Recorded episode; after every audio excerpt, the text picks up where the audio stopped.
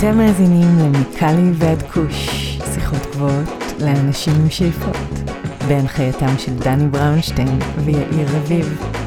הנה, הנה זה מגיע.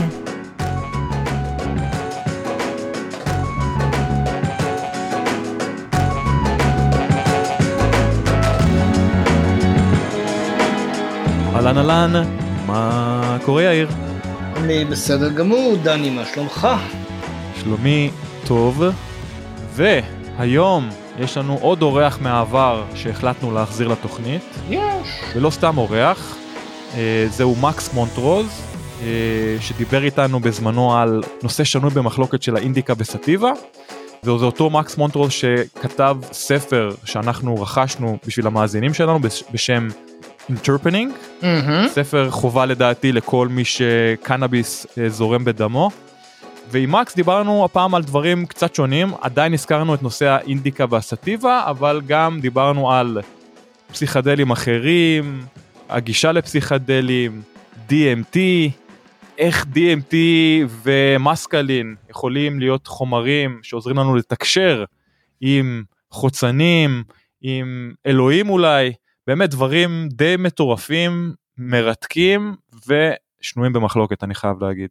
כן. אז אני מציע שנעבור לפרק, נקשיב למקס מונטרוז וקצת נקשקש אחרי, עד כמה שיותיר לנו הזמן. בהחלט, ותזכורת למי שרוצה את הספר, שייצור איתנו קשר, הספר שהוא מדבר עליו, אינטרפנינג, יש לנו עותקים ממנו בישראל. מעולה. אז זהו מקס מונטרוז. Okay, Max Montrose. Good afternoon. How are you doing? Good, Dan. How are you? I'm pretty good. Give us a sense of geography. Where are you in the world right now? I am about 30 minutes southwest of Eugene, Oregon, in uh, cannabis and wine country uh, in the Pacific Northwest rainforest. That's awesome. So I'm based in Los Angeles, California, and Yair, my co-host, unfortunately wasn't able to be here today due to the time that we're recording. So if you don't mind, let's start with an easy one. It's been over a year and a half since you were on our podcast, and though it's relatively a short period of time, a lot has changed with both the industry and the Trichome Institute. So tell us what's happening with your company these days. In terms of what's changed, uh, since I've talked with you last, uh, we've got an updated uh, interpening textbook that's out with updated science, uh, news, definitions, photos, and interpening methodology, of course. Um, we've got a new cooking with cannabis course that's out, six hours long. That was uh, done in partnership with the American Culinary Federation, uh, one of the largest uh, certification bodies in the U.S. We've got a, a couple different contracts and partnerships with Texas A&M University. Uh, one of our new projects is working on the cross between cannabis and hops and what that can offer to the world of beer uh, more than the world of cannabis, as well as our um, new glandular uh, trichome discoveries that I've been hunting around the world for the past seven years. Uh, the university just confirmed that they have those uh, trichomes living and growing on our experimental plants on campus right now. Uh, they they told me that just last Friday. So we'll be writing white papers with Texas A&M University and teaching people all about these new uh, glandular trichomes while we're simultaneously continuously developing the second level course, which um, has had a lot of issues due to COVID, me moving out of state, and uh, many other things. But um, yeah, that's basically what we've got going on so far. And for our listeners who didn't listen to your first episode, would you mind sparing uh, some information about your background and how did you get to the cannabis space? Um, sure. Uh, I've been involved in the cannabis industry for my entire life. it's the only thing I've ever done since even before high school. um, so I've, I've dedicated my life to this plant, and the thing that I know that the industry needs the most is education and proper information about cannabis, which is why I started the Trichome Institute in 2014. And um, our flagship thing that we're most known for is interpening. And interpening is the art and science of how and why cannabis is not the thing you've been told that it is. So, why these plants are not indica or sativa, why the strain name dilemma is a problem, why THC in general chemotype lab testing and COAs are not helpful, uh, and really getting into the art of what cannabis truly is, which is from the perspective of a wine sommelier. And so we teach people how to see and smell and sense the psychoactive differences of any cannabis hybrid type, regardless of what it's called. It's it's a pretty interesting program. That's great because it leads me also to the next question because while today in 2022 some bartenders are seemingly more trained and have a better knowledge of cannabis, there is still a big gap and lack of knowledge of some fundamentals. What do you think is still missing in this puzzle? And do we maybe need to define what a bartender is, unlike an entrepreneur? It's a good question. And, you know, my answer is pretty simple and straightforward. I think the only thing that's missing is care. The dispenser. Just care? Oh, yeah. That's what we're missing? That's all. Okay. That, but yeah. And I can explain. I can explain. It's very simple and it's very meaningful. There is a big difference between dispensaries that care and dispensaries that do not care the ones that really care care that their staff knows what they're talking about so that that information is properly relayed to their customer. And those guys know that when you know the right thing and you're explaining, you know, in-depth information to these consumers, these consumers can easily see that you know what you're talking about compared to everyone else. And that gives them a sense of trust and that trust increases sales and it also decreases risk. And that's because these operations care enough to train their employees with actual cannabis information, not just cheap, bogus, uh, one off bud tender certifications. There's a lot of dispensaries that don't care. They don't care that, they just, that their employees are trained or that they're communicating the right things. They just care that uh, you just quickly make the next sale to the next customer. And it's pretty easy to see which dispensaries uh, those are from from the contrary. And so um, I think it all just comes down to care at this point. Totally agree on that. So I want to shift and talk about dabbing, if you don't mind. I heard you in the past saying that you're not a fan and that the act of dabbing could potentially harm our endocannabinoid system. Can you please elaborate on that? Sure.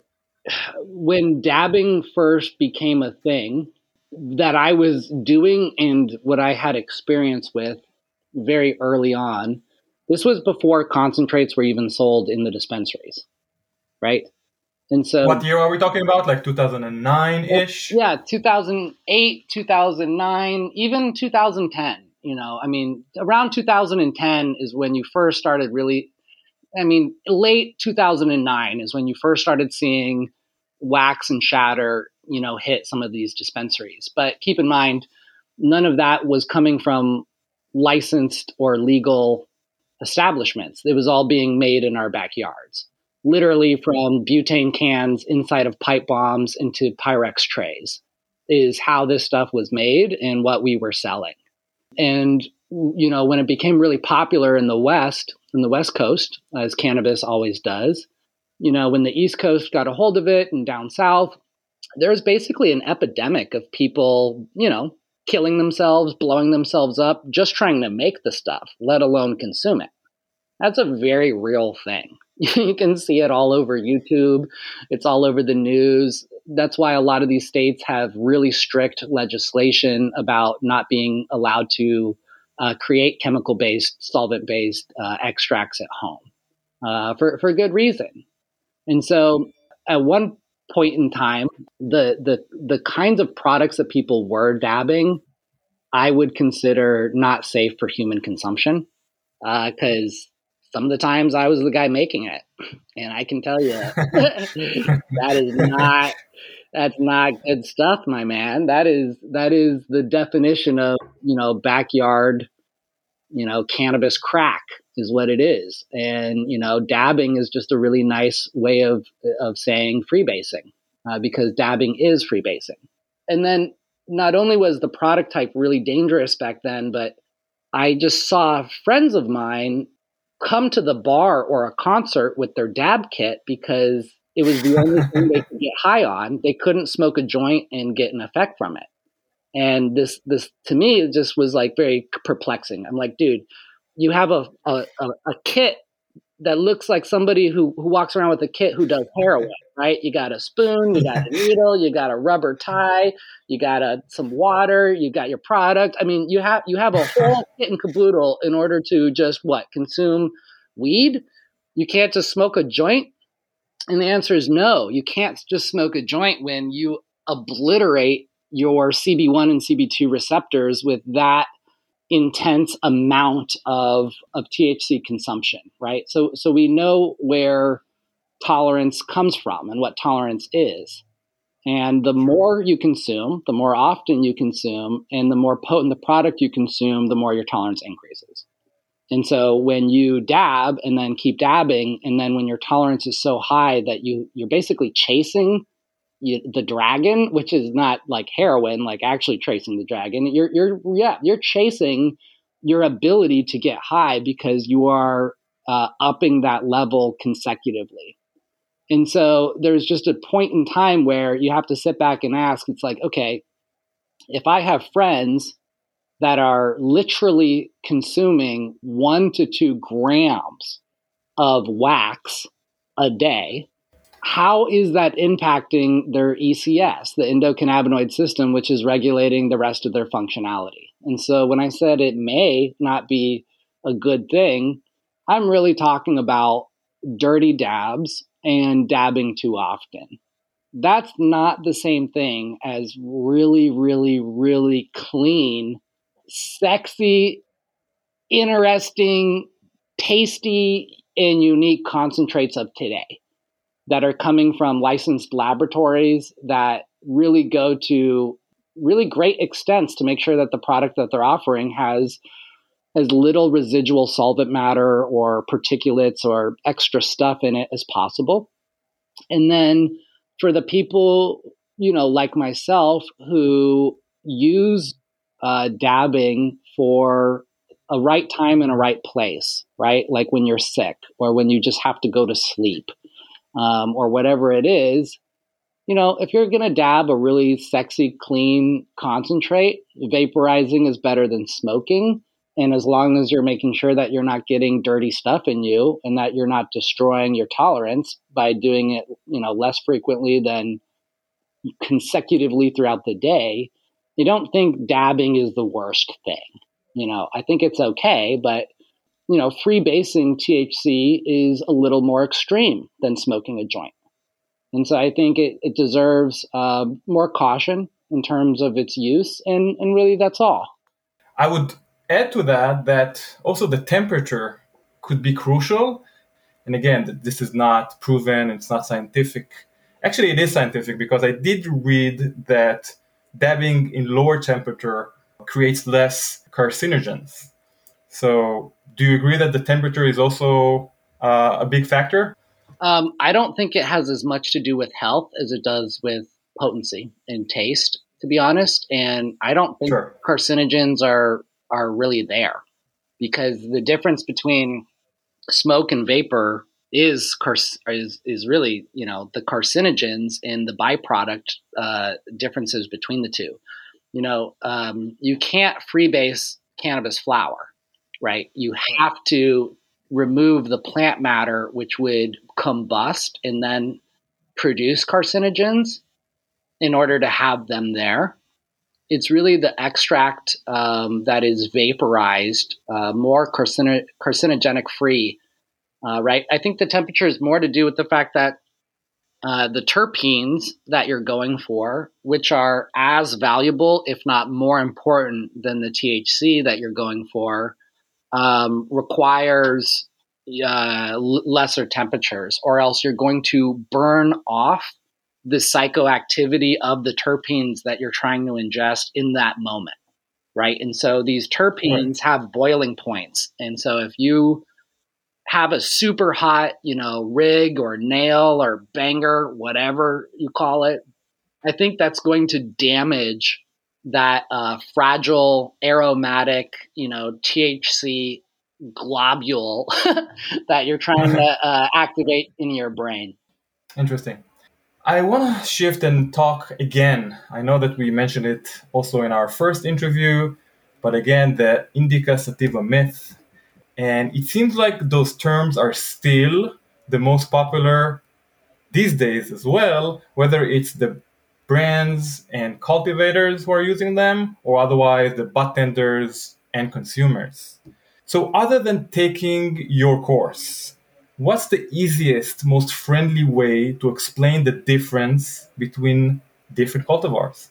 You know, I I don't expect the terminology to go away because it's been solidified. Um, so much so that even to have clear communication with people, especially people who don't understand interpening or cannabis at a technical level, in order just to achieve communication with, with them, I'll, I'll still use the terms indica and sativa so that they know what I'm talking about. Right. The easiest way when I explain to these people it, the reason why those terms don't work is the word indica does not mean sedative, the way that the word sativa does not mean stimulating. Those are species of plants. And those plant species are so far removed from the domesticated hybrid plant types that we're consuming today and the massive spectrum of psychopharmacy between the stimulating and sedative types that it's more or less inappropriate to use that type of vocabulary to describe this type of thing. We're not looking for, we're not when we go to the pet store to buy a puppy, we're not looking for gray wolves or coyotes, nor, nor would we want them. So your perfect little French bulldog, that domesticated hybrid dog type, that's perfect for all the ways that it is, is what you're really going for, and that that's how it should be. You, you know, this is a long story to, to explain why people think they're indica and sativa and what that means and all this. At the end of the day, just look someone straight in the face and be like, do you really think out of the thousands and thousands and thousands of domesticated cannabis types available that it's either one or the other? That that's all you get? I mean, I can. It's too superficial. I mean, it's, it's definitely it's, too superficial. Yeah, to, I mean, it's just to define cannabis. It's just not even logical. It's like, can we? Can, so if if if you're ready to uh, get off that horse and move forward, um, I would check out interpening because you know that's what we try to answer is you know if it's not indica or sativa well what is it? And what do you call it? And and what makes the most sense? And that's a hard nut to crack. I've been i've been cracking that nut for the past 10 years but people love it. People really like what we have to say about it because it just makes so much more sense than what what people currently have. Could it be strictly by its aroma? Or at least we can define cannabis by its aroma only? Hmm. Yes and no. I mean, there's so much more about cannabis than just its aroma, right? Because its aroma could be simply a chemotypic variation from something that's genotypic, right? So, what if the genetic, the DNA of, of this plant is the same as this other because they both came from the same mother and father, but because you know, six out of 10 cannabis seeds from the same mom will demonstrate variation. I mean, thank God, thank Hashem for designing mathematics of nature to constantly have diversity. Diversity is what um, leads to stronger life forms you know you are chemically attracted to the opposite to the body odor of the opposite sex because there you what you don't know is unconsciously your brain is actually reading that that body odor is coming from a body type that has an opposite uh, digestive system that you do. And so if you two were to mate with each other the child that you're going to create is going to have a stronger immune system because you're uh, taking two different strengths and parts and putting them together, right? Like every child is a hybrid. Um, so, there, right. so it's a good thing that there's diversity. So no, I wouldn't categorize it just by its smell. Um, there's there's more to it than that. Uh, but if you wanted to dictate what type of psychoactive experience someone should have, I would use smell more than anything else. That's fascinating. So, I want to shift and talk about psychedelics, specifically about DMT and 5-MeO DMT. Can you please tell us about these substances and the main difference between them, and why will we want to consume them? Well, it might be fair to tell your listeners why I would have anything to say about this subject matter. Um, if you, if anyone sure. has the uh, interpening book uh, with them or on hand, you can flip it over. And the very back cover um, is a review from one of my uh, good friends, uh, Dr. Rick Strassman of uh, DMT Spirit Molecule, both the movie, the book, and and the science. I do have uh, some familiarity with uh, these different DMT types. I have extracted 5-MeO DMT in the wild from the toads. You know, I have these things tattooed to my body, and um, they are a part of my uh, religion. so, so part of your religion? What in what way? Oh well, this is a whole this should be just an entirely dedicated podcast or you should actually ask rick strassman more than me but um you know his he's got a okay. he's got a book connecting dmt and the torah that's thicker than his book on dmt spirit molecule oh wow um yeah doctor yeah and so finding dmt in the torah and the religious texts um, and really understanding where uh, knowingness comes from, you know, thousands of years ago and today, uh, is a DMT thing. DMT is extraordinarily alien. Uh, it allows you to talk to aliens. It allows you to talk to your dead family members. It allows you to die yourself and cross over the event horizon and spend some time on the other side, which is the same place you came from before you were here and where you're headed to next uh, as a pit stop before you head on to your, your next mission. So uh, DMT is sacred. It is not a recreational substance, and people should not use it recreationally. Uh, either NN DMT or 5-MeO DMT. Um, and yes, NN DMT is something that we produce in our uh, pineal gland. It's a theory of mine that it is the chemical that's responsible for our dreams. So your dreams are fully conscious and you can see things in your dreams. You can have social interactions. You can even smell things and feel things in your dreams. Uh, but you can also fly in your dreams. There's this really psychedelic world of knowingness that you can tap into, which is coming from your own mind. And where does all that information come from? Especially the information that's outside of yourself, such as when you dream some type of knowingness that you would not have known in the conscious world. And you know, you call your grandmother and you tell her about this weird dream where you met this, you know, character. And she's like, oh my God, that's a real person. That's one of my friends. How did you know all these things about that person? And, and you wouldn't have known um, except for the fact that you are intimately connected to the whole of it all, because you are a part of the whole of it all, and the universe wouldn't be the same without you. And that connection point is chemical, and it comes directly from where we place our tefillin on our forehead, and for a reason. So, what's the main difference between those two types of DMT in terms of the main you know, difference the influence or what you feel? The main differences are NN DMT, you know, comes 97% of it comes from plants, whereas NN, I mean, 5-MeO DMT, you know, 97% of that is derived from the toad, uh, Bufo alvarius, or the Colorado River toad, found in southern Arizona, northern Mexico.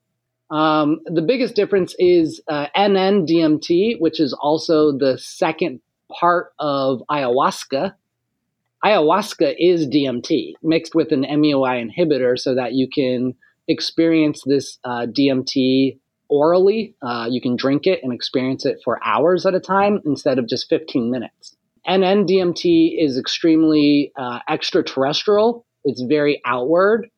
Uh, it's very geometric. It's very mathematical, um, but it's it's very up up and out in, in outer space a lot of the times.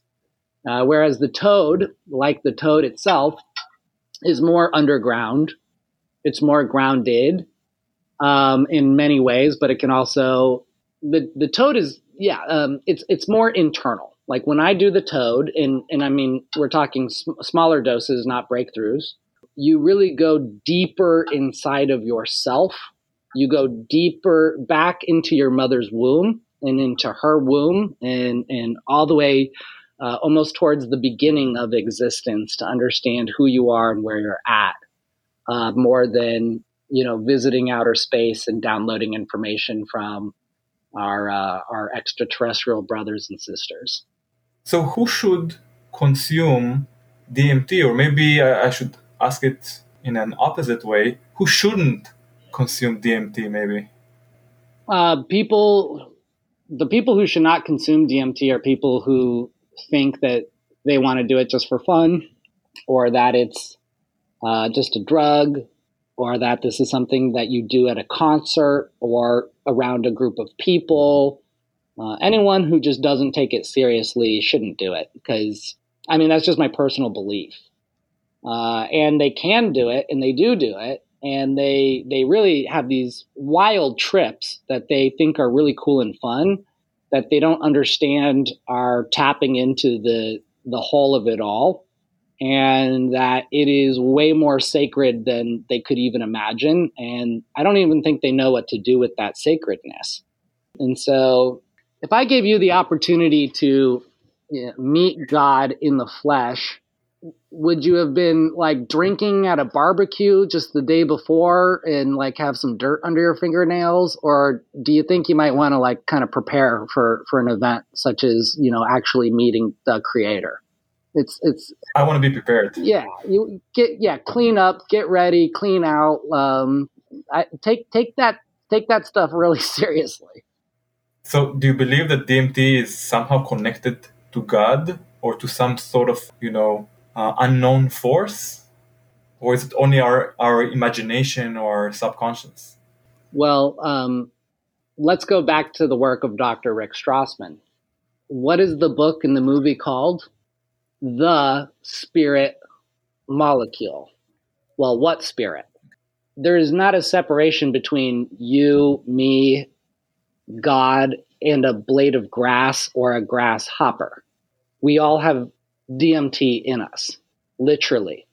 You cannot find something, a, a plant on the planet that doesn't have, have it in it. How is it possible that the most psychedelic substance in the world that can download true knowingness, bring you to the heavens, and sit you in front of a group of angels for a thousand years learning their knowledge in a 15 minute experience how how could that not be connected to god? And how could god not be connected to us? And how could us how could we not be connected to the earth and the plants and the creatures when we all have the same chemical in us that connects us to each other that allows us to communicate and participate with each other in a world of, of sanctity that I don't think you could even comprehend if you haven't seen it or experienced it yourself. I can understand that people are like, oh, well, you were high on a psychedelic. So that's why you thought you were talking to God and are connected to a grasshopper. It's like, uh huh. And yeah. you have not drank in the drank or smoked the smoke. And you are still in a world and a perspective where this is just material. And things are just black and white and you're just alive right now and you're going to die sometime in the future. And you've got a job to you know pay your rent in the meantime. That is very very lacking. You should cross over the event horizon and see how uh, how truly exceptional being human really is and how special this reality is. And how quick it's all going to go away too. And so um yeah it's it's a that's a difficult thing to, to to discuss for sure and do you think that maybe it might be related to a near death experience, a similar experience to DMT, if not the same? Well, it's it's more than near death. Um, it it is actual death. When when you take enough DMT to have a an, a, a, true breakthrough from it or with it, um, especially a deep, deep breakthrough, uh, here's my analogy. Imagine you are a refrigerator and you're plugged into the wall. And when you're awake and you're you open up, you know, there's this big shining light on, and that is who you are and that's your soul. And when you close the the refrigerator, that light turns off because you've gone to sleep and you're unconscious. But you're still on, you're still plugged into the wall, and you're still, you know, your vitals are still working. You're still keeping it cool. Okay, well, when you have a breakthrough from DMT, that's somebody walking up to the cord plugged into the wall and ripping it out of the wall for about oh, wow. 15 minutes, and then they plug it back in. You're you're dead. You you don't know that you were alive at one point. You're not conscious or unconscious. You have died. You are you are so dead that there's no such thing as anything. There's nothing material there's no such thing as, it's just, you're dead. You can see outer space from a third person's perspective. You can hang out with God and all the angels, and He'll show you how cool it was when He made planet Earth and why He did it. And you get to see it happen from His perspective and how truly incredible it is. You, you don't come back the same either. Uh, once you've been there and once you've seen it, uh, you will never be the same. So it seems like, and correct me if I'm wrong, it seems like it's better to consume DMT with some sort of guidance. Oh, yeah. Whether it's an ayahuasca ceremony or some sort of, uh, you know, professional guidance on how to do it properly. Right. Yeah, it is definitely not, you know, ET phone home where you can pick up the phone and know what number to dial and, and make the connection.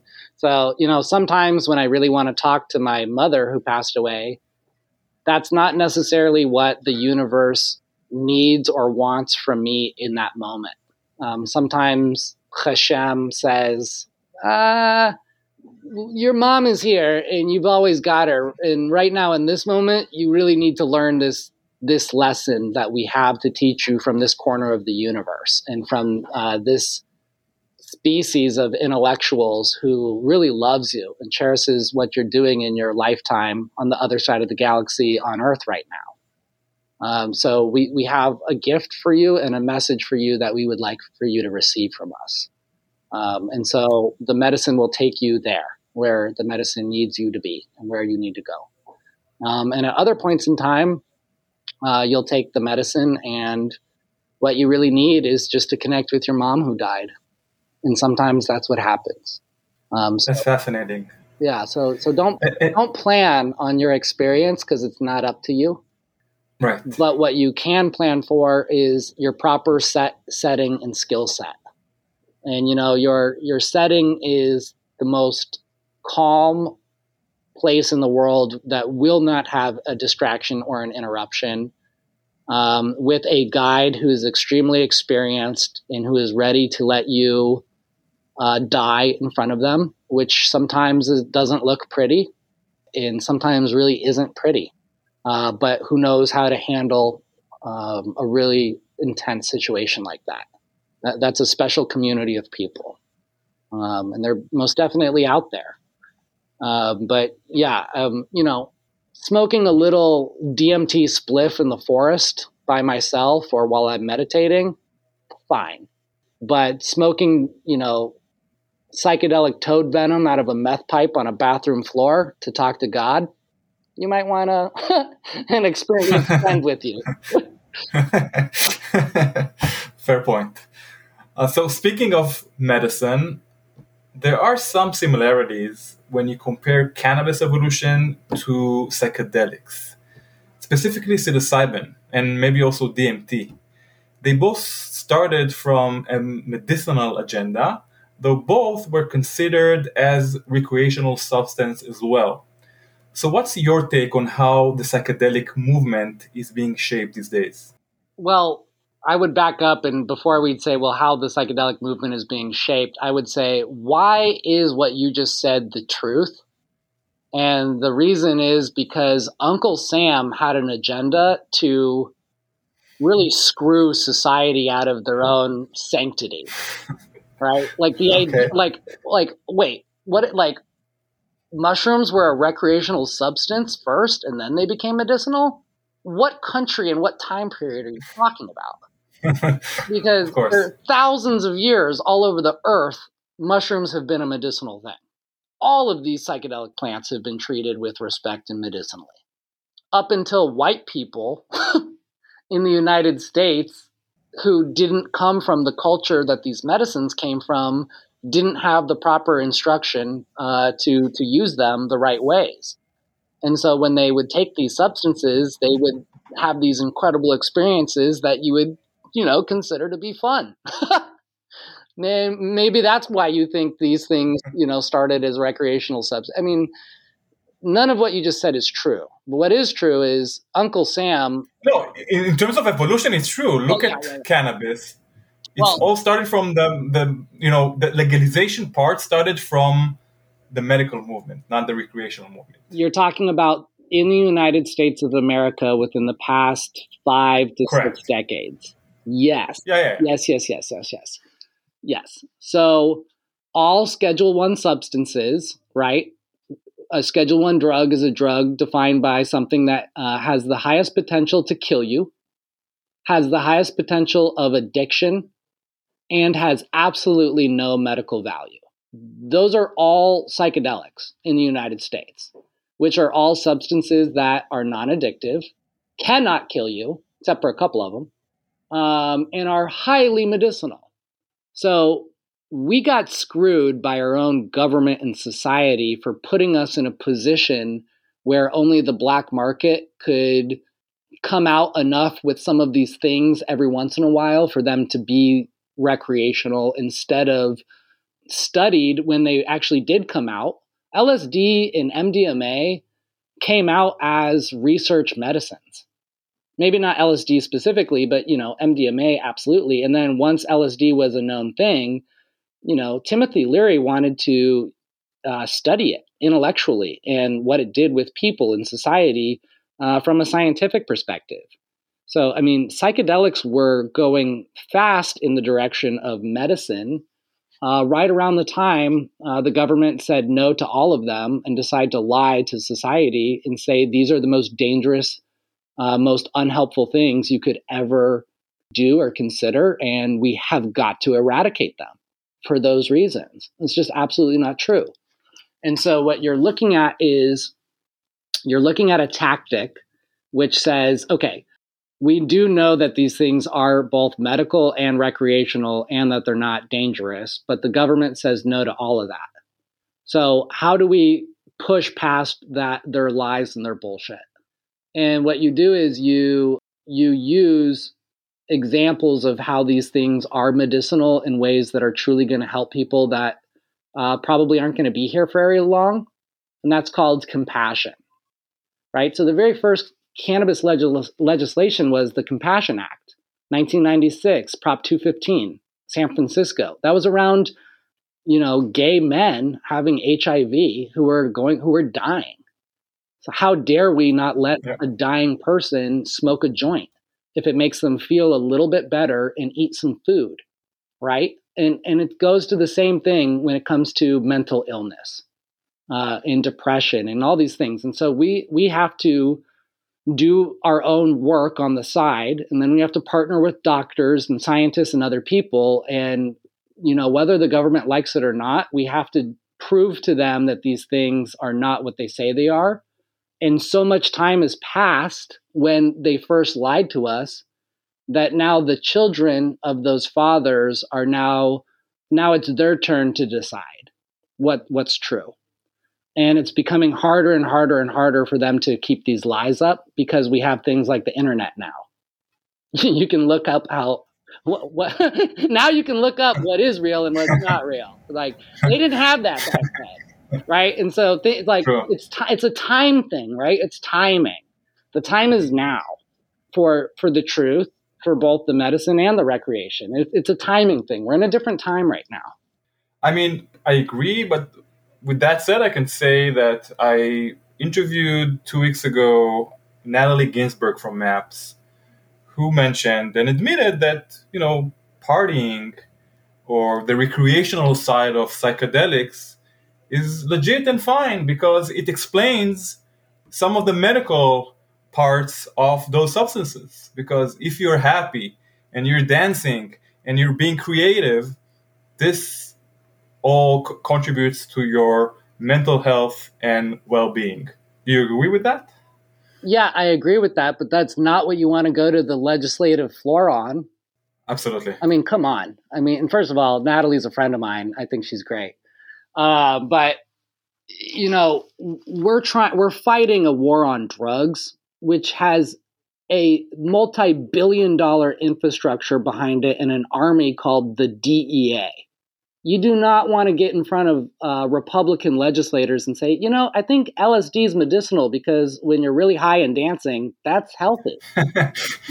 well, you Yeah. know, you know, I, yeah, I, I, I want to start uh, in a different direction. I might want to say, um, you know, uh, Johns Hopkins University, through the institution MAPS, has been studying clinical trials on human beings with the effectiveness of MDMA for the cure of PTSD.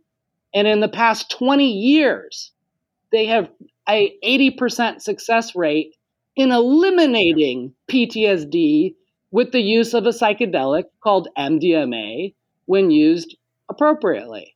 Yeah. I would also talk about what we know medicinally from a, a hospital perspective when it comes to mushrooms, all that kind of stuff. I mean, Natalie's not wrong, but we've got a, a war to fight still, and it's with the government. Right. From Or in other words, when you have the Republican on the other side and not someone who actually understands Right. our real world, then yes, it's more challenging. Correct. So I I'm not I don't disagree with her. I just say, whoa, please don't go to Congress with that. Start start, start somewhere else first. I agree. Um, fair point. But still, what do you think about you know the psychedelic movement that is trying to first some corporate companies that are trying to patent their products that are based on psilocybin or other natural products? Well, shame on anyone who thinks they can patent anything sacred. Um, Exactly. because you can't and we won't let you. And you'll really regret it when it's all over. Trust me. That's that's one thing. Uh, and two, people are going to patent psilocybin and whatever. Psilocybin that's patented, that's used medicinally in a doctor's office, well, that's the only way that soccer mom is ever going to get it. And if that helps to cure her PTSD or her depression or her addiction, I think that's great. And that's not the same thing as mushrooms, which have other psychedelic constituencies in them, which have variety types and hybridization uh, and differences in cultures around them. Right? So you're not going to find albino penis envy in your doctor's office. That's okay. Just come to Oregon. Is there a, is there any difference between different varieties or different strains of psilocybin mushrooms? Oh, yeah. No, for sure. Yes, yes, yes. There is. Oh, my Okay. God. yeah. No, I, Oh, I, yeah. I, I know it for a fact. Some folks who consume mushrooms, especially in Israel, claim that for them the experience is quite the same, but I disagree with them. So Yeah. Well.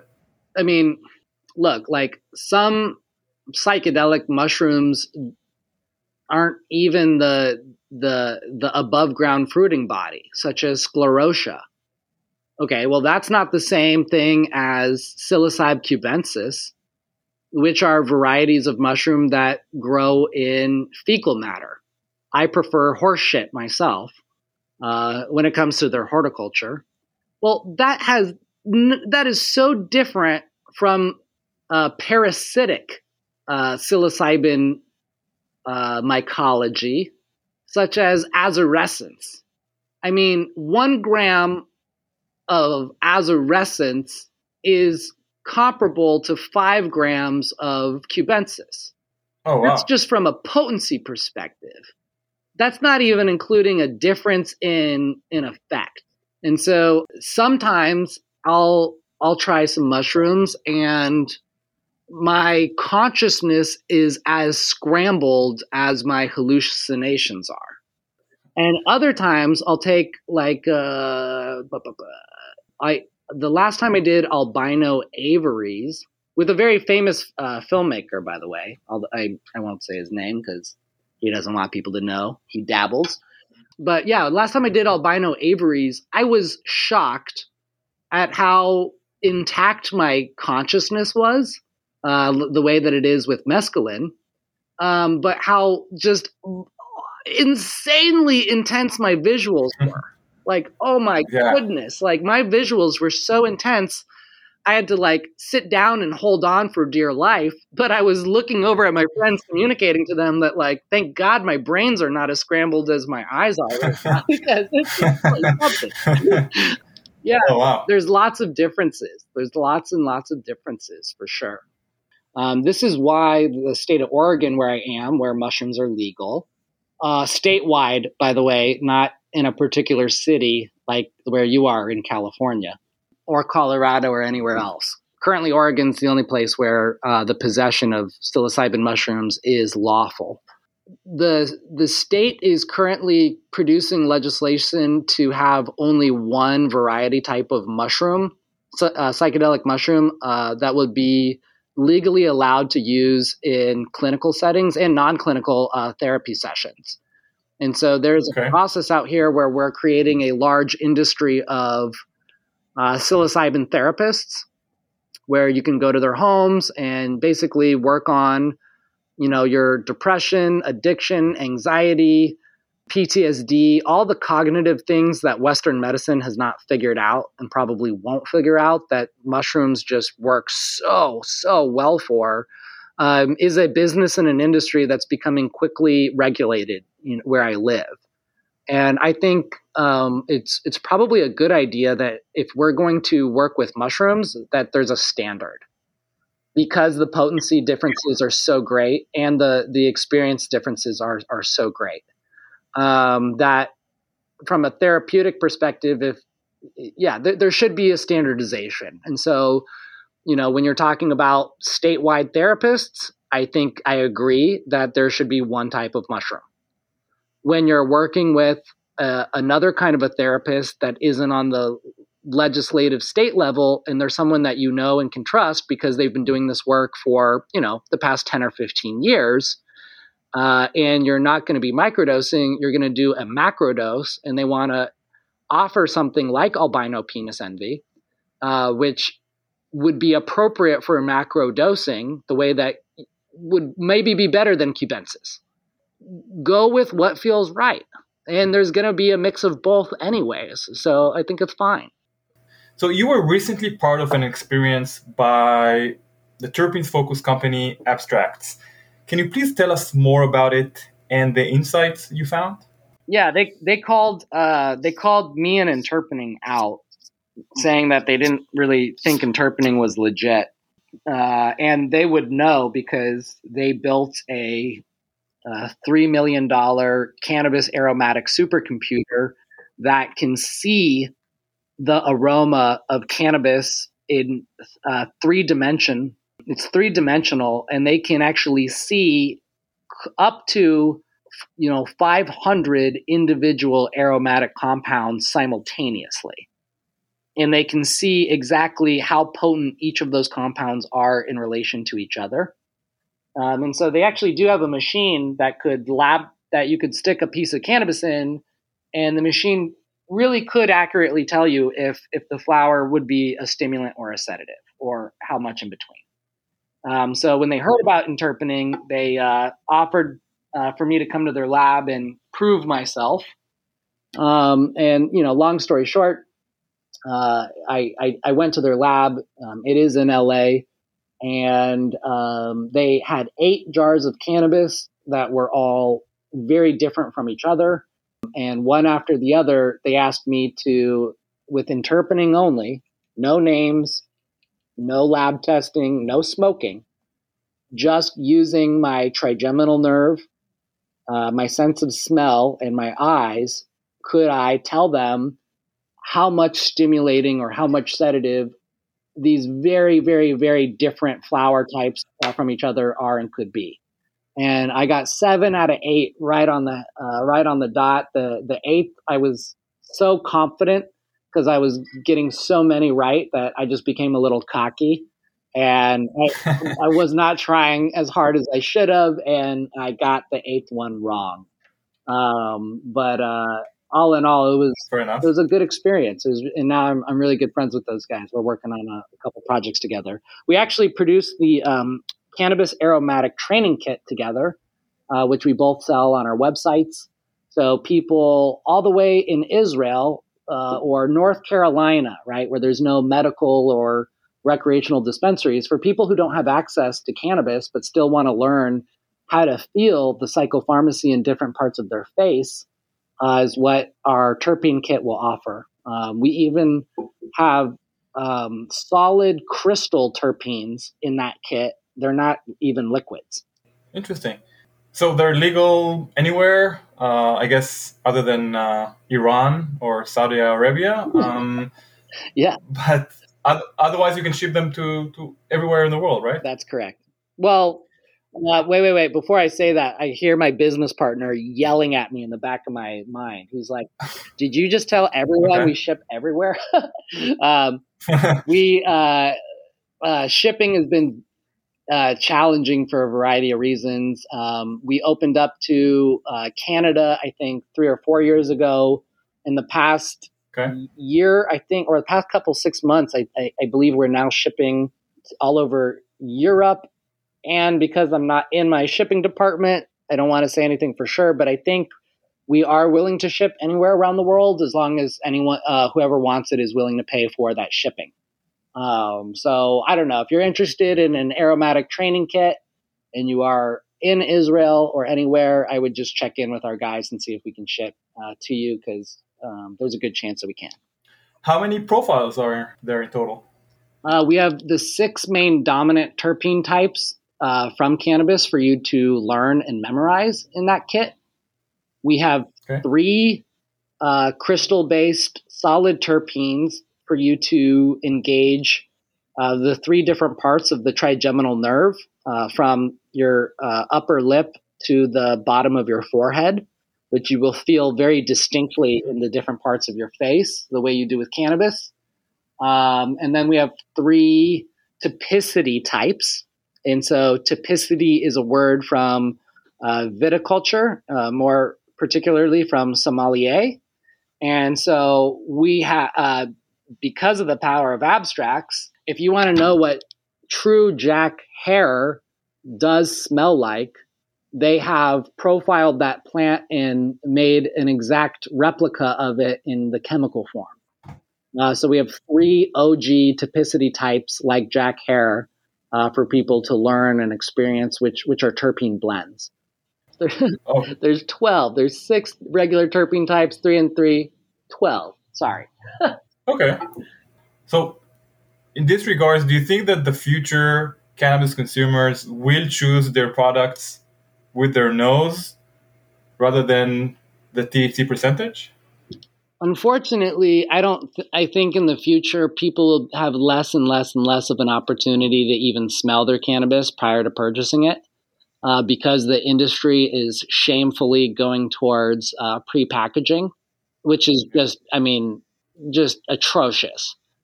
Whoever's coming up with that idea, I want them to uh, buy all of their fruits, vegetables, fish, uh, and other meat uh, prepackaged so that they can't smell it, see it, or touch it prior to buying it, and hope that uh, every time whatever they bring home is is what they were expecting. Um, you know what I mean? Like, yeah, yeah, yeah, come on. I hear you. But uh, because that's most likely where the industry is going to go um, and is heading, anyways, hopefully our technology for doing interpening methodology on the back end uh, to provide a guide for consumers on the front end is where the industry will go. So instead of looking at strain names and THC, hopefully you'll be able to scan uh, the jar or look at our app or a menu. And, you know, because of Trichome Institute, our grading methodology, interpening methodology, uh, the technology of Abstrax and all these other things, we can tell you very factually, you know, what the grade of this quality of cannabis is prior to you putting it in your body. And when you put it in your body, what should happen to you for nine out of 10 people, regardless of what it's called. And so hopefully people will use our technology to look for the flower that they're interested in the first place and where it's available, um, or be able to, you know, really scan through menus a little bit more intelligently. Um, so let's move to some personal questions. They're quite similar yet different from what we asked you in the first episode that we had you. So, what's your favorite psychedelic that is not cannabis, and how often do you consume it? Uh, my favorite psychedelic is it's. I don't want to say mescaline because mescaline is is a. Um, you can say mescaline. Mescaline is, is a psychedelic. The reason why I don't want to say mescaline is because I don't. You know, mescaline on its own is is is boring like THC on its own. Like, I mean, okay. you know, if you hit a THC vape pen where it's just THC oil, that's more. Oh, that's horrible. It's more boring than smoking the actual flower, right? Absolutely, it's a shallow experience. Very shallow. Very. That's the same thing and, as uh, the difference between creative. eating just you know mescaline sulfite on its own versus eating a a particular variety type of cactus uh, that has a lot of mescaline in it. Um, so I, I specialize in psychedelic cacti. Most people don't know that there's multiple species, subspecies, and hybrids of peyote, the peyote plant. Most people don't know that. Most people don't know that there are a dozen plus species of uh, San Pedro. People think San Pedro is just San Pedro. And San Pedro, Trichocereus pachanoi, is not as interesting as Trichocereus peruvianus and Trichocereus peruvianus is not as interesting as Trichocereus bridgesii. And so bridgesii is your Bolivian.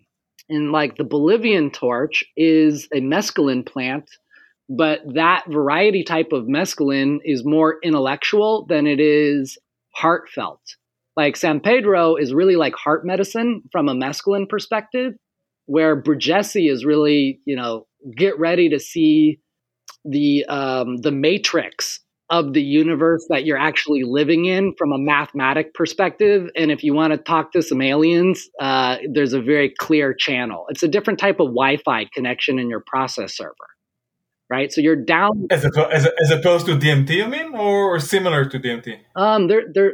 I, I mean, the difference is when you talk to aliens with DMT, it's in your mind, when you ask aliens to come visit you in the physical reality of your world, practicing CE5 and utilizing the communication channel of Trichocereus bridgesii, uh, the person next to you who's sober can videotape the aliens in their ship, and because they're actually coming down to Earth for real. What? yep. Yeah. That's the difference. This is some this is some insane shit you're talking about here. I know. I know. I know. Um, and it's it's yeah, uh, yeah. I know. I know. I know. Where can we read about this uh, specific variety of? Uh, you said San Pedro, right? Don't read about it. Come to my house and try it. Wow. He's like, "Is that a real Growing? offer?" Like, yeah. If you want to come up here and you want to um, you want to practice what I'm calling CE6, right? Which is um, the it is the the science of human initiated extraterrestrial contact in the physical world, but utilizing psychedelics for clear channels of communication and intellectualism and heart energy. Um, yeah, that that that is something I'm I'm I've been working on for a while.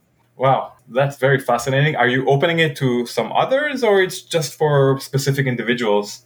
that you're willing to invite and uh, share this experience with? Well, that's a good question. To be honest, I'm currently only interested in working with people who are proficient in multiple levels and layers of a variety of different mystery schools that are, you know, real and true and have been operating in the shadows for thousands of years in this muggle world. So I love I love the look on people's face when they learn that Harry Potter is a true story and that there really okay. are there really is a a university out there um, that you can access and go to that has different uh, professors with different you know uh, skill sets to teach uh, different groups of people um, and that these mystery schools have been teaching you know fundamental magic uh, geometry mathematics and intergalactic communication for thousands of years. And so people who are really skilled and proficient and are very past the idea of this being a new thing or just exciting or weird or crazy, people who have normalized this in their lives as something that is fundamentally real um, and always has been, those people are the most ready um, to actually do the type of work that's necessary for communicating in the way that we plan to. Well, I can talk about it for hours now with you. There, I have so many questions, but I, I'm curious to know what is your favorite music when you, you trip on psychedelics, specifically the substance that you just mentioned, or otherwise other psychedelics? I, I like both ends of the spectrum. You know, on one end of the spectrum, the the band Desert Dwellers is just, you know, that is some of the best psychedelic music that there is. Um, so when you're Desert Dwellers, is it more like of uh, psychedelic rock, analog? uh, instruments based or otherwise more like electronic it's I mean, or digital music? If you took um, the soundscapes of Buddhism and yoga and nature and, and organic instruments like didgeridoos, and you uh, digitized all of that into a more upbeat uh, transformation uh, it's definitely stuff that you can really get down to and dance into. And also, you know, when you're stuck on your living room floor deep in a mescaline session, can really help you ride those waves and go in deeper and deeper. And on the other end of the spectrum, I love uh, nothing but a single Native American drum because mm. that's all you need. Um, and when you um, when you practice, you know, shamanic drumming, just you and your drum, your drum can take you to the furthest ends of the universe as well. Uh, you don't even need psychedelics um, really to use a drum in that way, but just a single drum and the forest and the song of nature can be as powerful as you know something really intense uh, and intellectual like desert dwellers. Is this basically how hypnotics works? Yeah. Um, in, a, in, a, way. Yeah, I mean, the drum is the is the is the heartbeat of the earth, you know, and uh, there's a reason why our species, shamans from every corner of the earth, had the drum come to them as a necessity and as a tool in the work that they do. Um, and so, you know, whether you're at the the tip of Peru or you know in the center of Mongolia, there are shamans who don't even know that each other exist, um, and they both have their drums. A, dr- a drum is really important. Interesting. So, what players do you appreciate, if at all, in the psychedelic space, and why? MAPS is definitely a model to follow uh, because I, I, believe they're doing it the right way when you do it uh, psychedelics in the public space and it's their science and their research at the level that it's at that's what's actually going to allow MDMA therapy to become legal for for people in the future. I mean, you, you really can't beat that. There's almost too much commotion going on in, in between that and everything else. You know, there's there are hundreds of businesses that are now on the stock market that you can invest in uh, that are psychedelic related, and there's no industry. They have no product. Psychedelics are still against the law. So the, right. the best thing, and I think the only thing from an industry perspective from psychedelics right now is education, anything and everything. Education, education, education, right? Like people really need to learn this stuff. People really need to understand the depths of this world prior to just jumping in. And that includes the industry itself. Um, so I'm okay with psychedelics slowing down a little bit. That's a good point. Yeah. So, Max Montrose, it was a fascinating, another, yet another fascinating interview with you. So, thank you again for coming to our show. Before we end up, how can our listeners follow your work, whether it's on psychedelics, cannabis, or otherwise? Uh, well, you will not see uh, shamanism or psychedelica or aliens on my businesses page as much as you will my personal page, uh, which is max.montrose, M O N T R O S E. Uh, but Trichome Institute has a much cooler presence than I do personally because I'm just me. uh, so that's uh, yeah, trichome.institute and trichomeinstitute.com.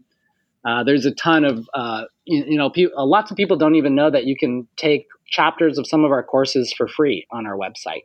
Uh, you can preview them. That we have tons of physical. Also, also international students. So outside of the US? Of course, yeah. If you just go to trichomeinstitute.com right now and you wanted to check out our cannabis consultant uh, training certification, I think you take three or four um, of our uh, chapters of of the 30 some chapters of that four hour course for free just so you can see how awesome our education content delivery is um, and so yeah all of our interpening tools our books our aromatic training kits uh, the new cooking with cannabis course I, I you really have to check that out especially if you're into culinary anything.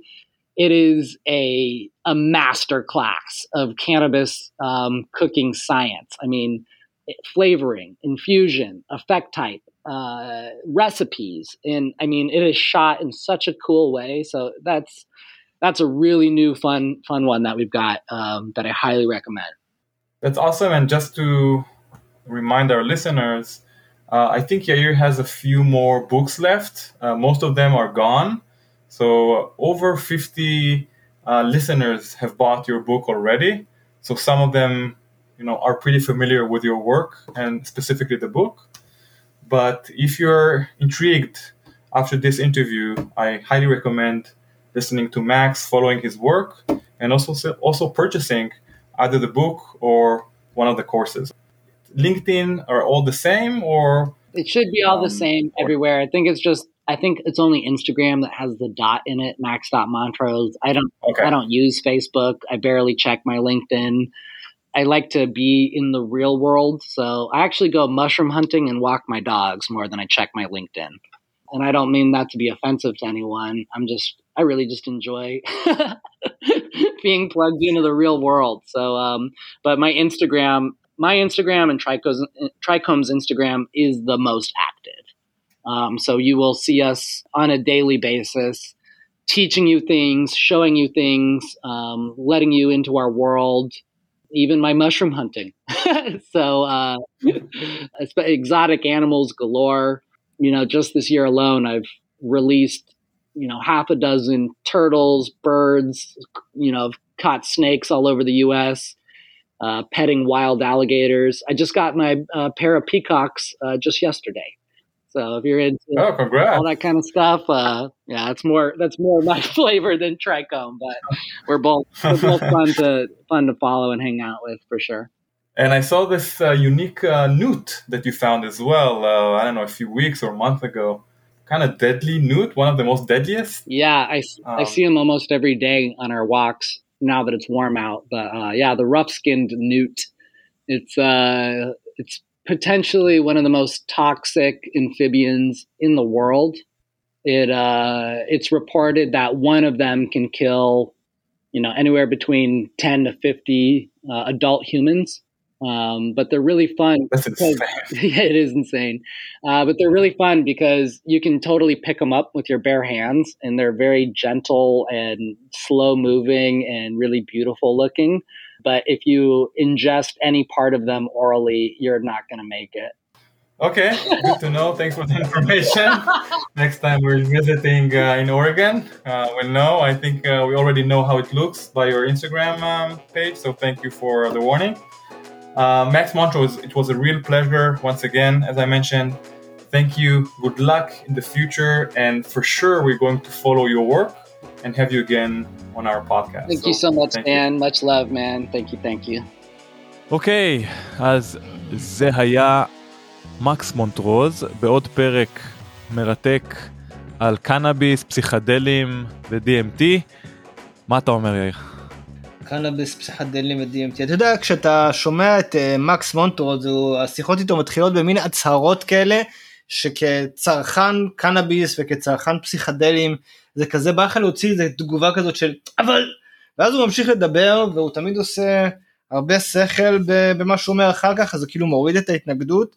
הוא בן אדם אה, מאוד אה, חכם, תיאוריות מאוד מעניינות, כאילו באמת מסתכל על הדברים אה, בפרספקטיבה אחרת, ש, שככל שאתה מכיר את, ה, את המטריה ואותו, אתה מבין שהצדק עימו.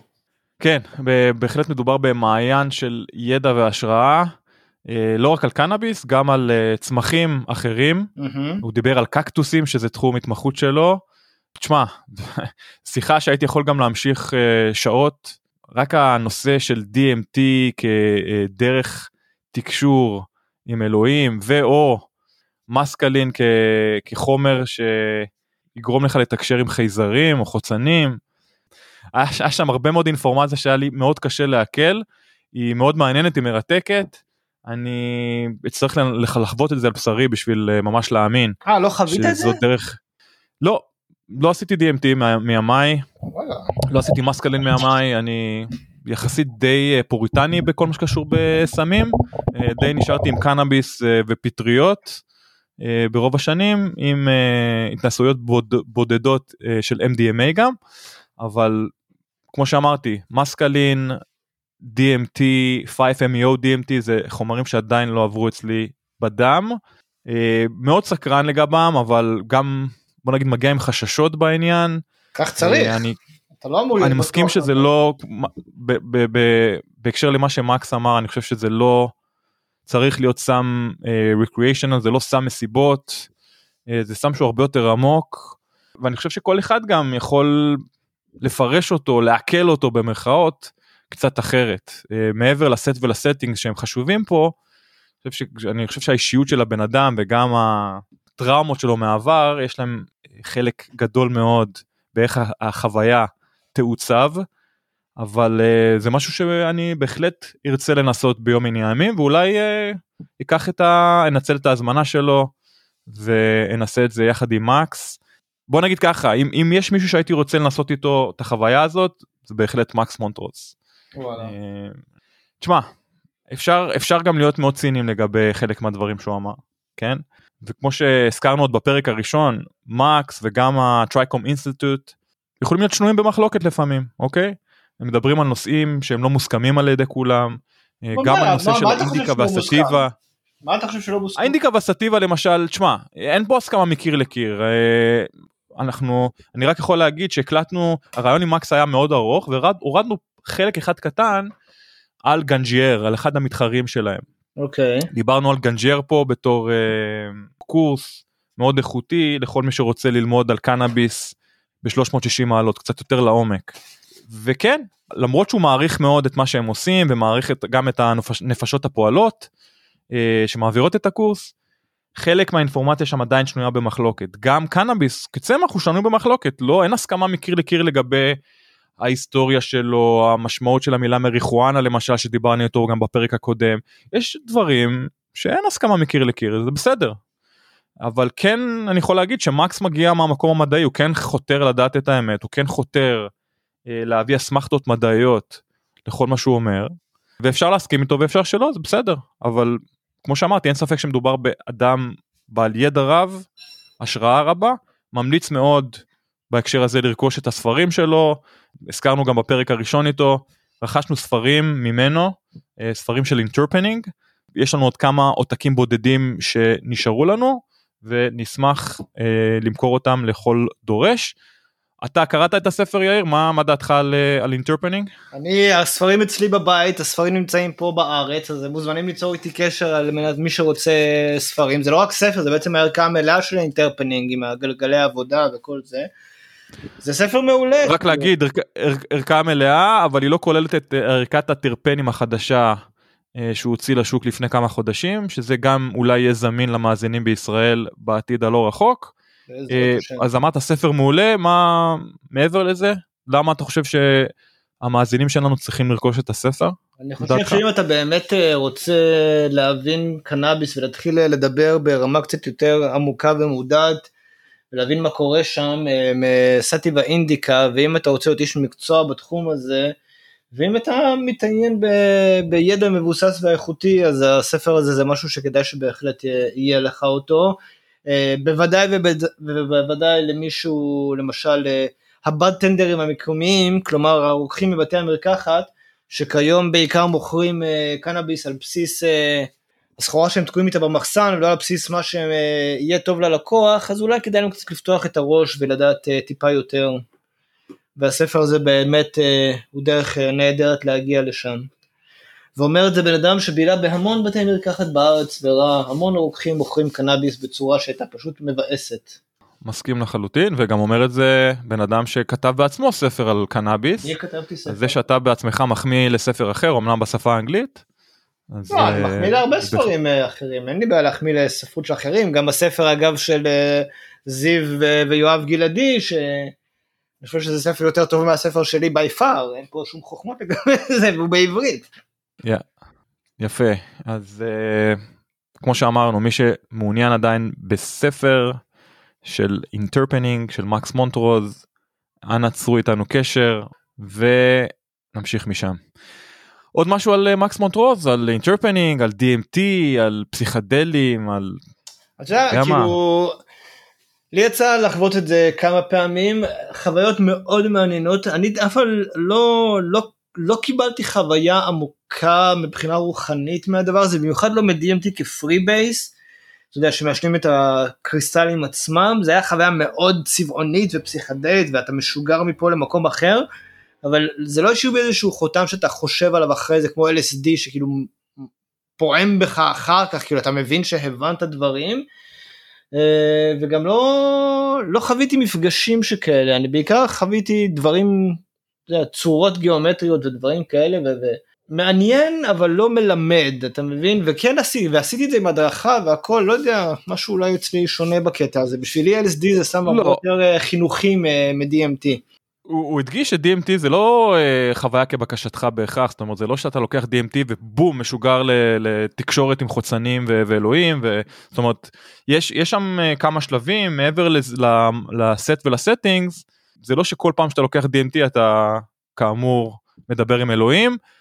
האם אתה הודרכת באופן אישי, האם היה איזה כיוון כלשהו לפני החוויה או שזה היה יותר... אה, נקרא לזה מסיבתי או בילוי לא, שהייתם לא חברים מסיב... אמרת היה בוא נ... הפעם הראשונה שעשיתי את זה שהייתה עם הדרכה פעמים אחרי זה כבר לא היו עם הדרכה זה לא היה במסיבה מעולם לא עשיתי את זה במסיבה מעולם פעם עשיתי צ'אנגה במסיבה נחמד לא יותר מזה אבל אה, אבל זה היה בסיטואציה שקטה רגועה הדרכה כאילו ו... ודווקא בחור עשיתי את זה עם איזה בחור אחר שלא הייתה חוויה הרבה יותר אה, משמעותית מבחינה רוחנית ממה שלי היה. כן. מעניין. מעניין אז תשמע זה פעם ראשונה שבאמת אה, דיברנו קצת יותר לעומק על DMT זה באמת חומר שאנחנו נמשיך לדבר עליו אה, רק להזכיר בהקשר הזה. אגב אתה יודע שהנושא הזה ש-DMT מיוצר בבלוטת הפיניאל גלנד בלוטת האצטרובל זה גם שנוי במחלוקת אני לא חושב שזה הסכמה גורפת באמת ככה. לא אני חושב שזה מקס דיבר על זה וגם בהקשר על זה שאלתי אותו על חוויה מה שנקרא near death experience או חוויית מוות הוא קרא לזה בעצם חוויית מוות ולא near death זה the death experience זה מה שקורה בעצם במוח לפני המוות. אבל זה תיאוריה אי אפשר באמת לדעת שזה אכן מה שקורה במוח לפני המוות. אה, אכן כן זה תיאוריה אבל uh, למי שראה סדרה בנטפליקס uh, על near death experiences הרבה מאוד אנשים שם מתארים חוויה מאוד דומה ל-DMT וזה די זהה זאת אומרת כולם ראו והרגישו דברים דומים בחוויה הזאת. כאמור הם נשארו ושרדו בשביל לספר על החוויה אבל תשמע זה בהחלט דורש עוד מחקר וזה בעיניי יכול להיות uh, תגלית מרעישה. uh, אם נגלה באמת את התרומה של ה-DMT לנו ולבעלי חיים אנחנו שוב הזכרנו את הטוד את הדזרט טוד אותה קרפדה שמפרישה את החומר הזה יותר uh, כנגד טורפים אבל תשמע אני מרגיש שבדומה לקנאביס וחומרים פסיכדליים אחרים אנחנו עדיין לא מגרדים את קצה הקרחון. אני בהחלט מצפה לעוד מחקר ולעוד נקרא לזה נתונים על חוויות DMT לפני שנוכל אה, להסיק מסקנות. כן, אבל זה- זה בהחלט מעניין. טוב אז הארכנו זה היה פרק מאוד ארוך עם מקס מונטרוז אה, אני בהחלט חושב שנביא אותו שוב לתוכנית לדבר אולי על חומר אחר שהוא לא קנאביס או DMT אה, ושוב ממליץ מאוד לעקוב אחריו אה, אחרי העמוד שלו באינסטגרם אחרי אה, The Tricom Institute וכאמור לרכוש את הספר אז זהו. זה מקס מונטרוז זה היה פרק 108 מקאלי ועד כוש שיהיה שבוע מעולה. שבוע טוב. תודה שהאזנתם לתוכנית. אם נהניתם ממנה ומהאורחים שהבאנו לכם, נשמח אם תדרגו אותנו בחמישה כוכבים. כל דירוג או ביקורת חיובית יעזרו לנו להמשיך להביא לכם את האורחים הכי שווים בתעשיית הקנאביס. יש לכם הצעה לאורח או נושא מעניין? נשמח לקבל בקשות והצעות לגבי נושאים או אורחים שמעניינים אתכם, המאזינים שלנו. אנא כתבו אלינו ל- From Kali to Push at gmail.com From Kali to Push במילה אחת at gmail.com אנא אל תיקחו את האינפורמציה שמוגשת בתוכנית כעצות רפואיות או עסקיות. צרו קשר עם הרופא שלכם או כל גוף רפואי מורשה אם אתם מעוניינים לצרוך קנאביס לשימוש רפואי. התוכנית נעשית מתוך אהבה ותשוקה לצמח הקנאביס, אך אינה מעודדת קנייה לא חוקית של מוצריו. תודה על ההאזנה, נשתמע בקרוב. צ'או.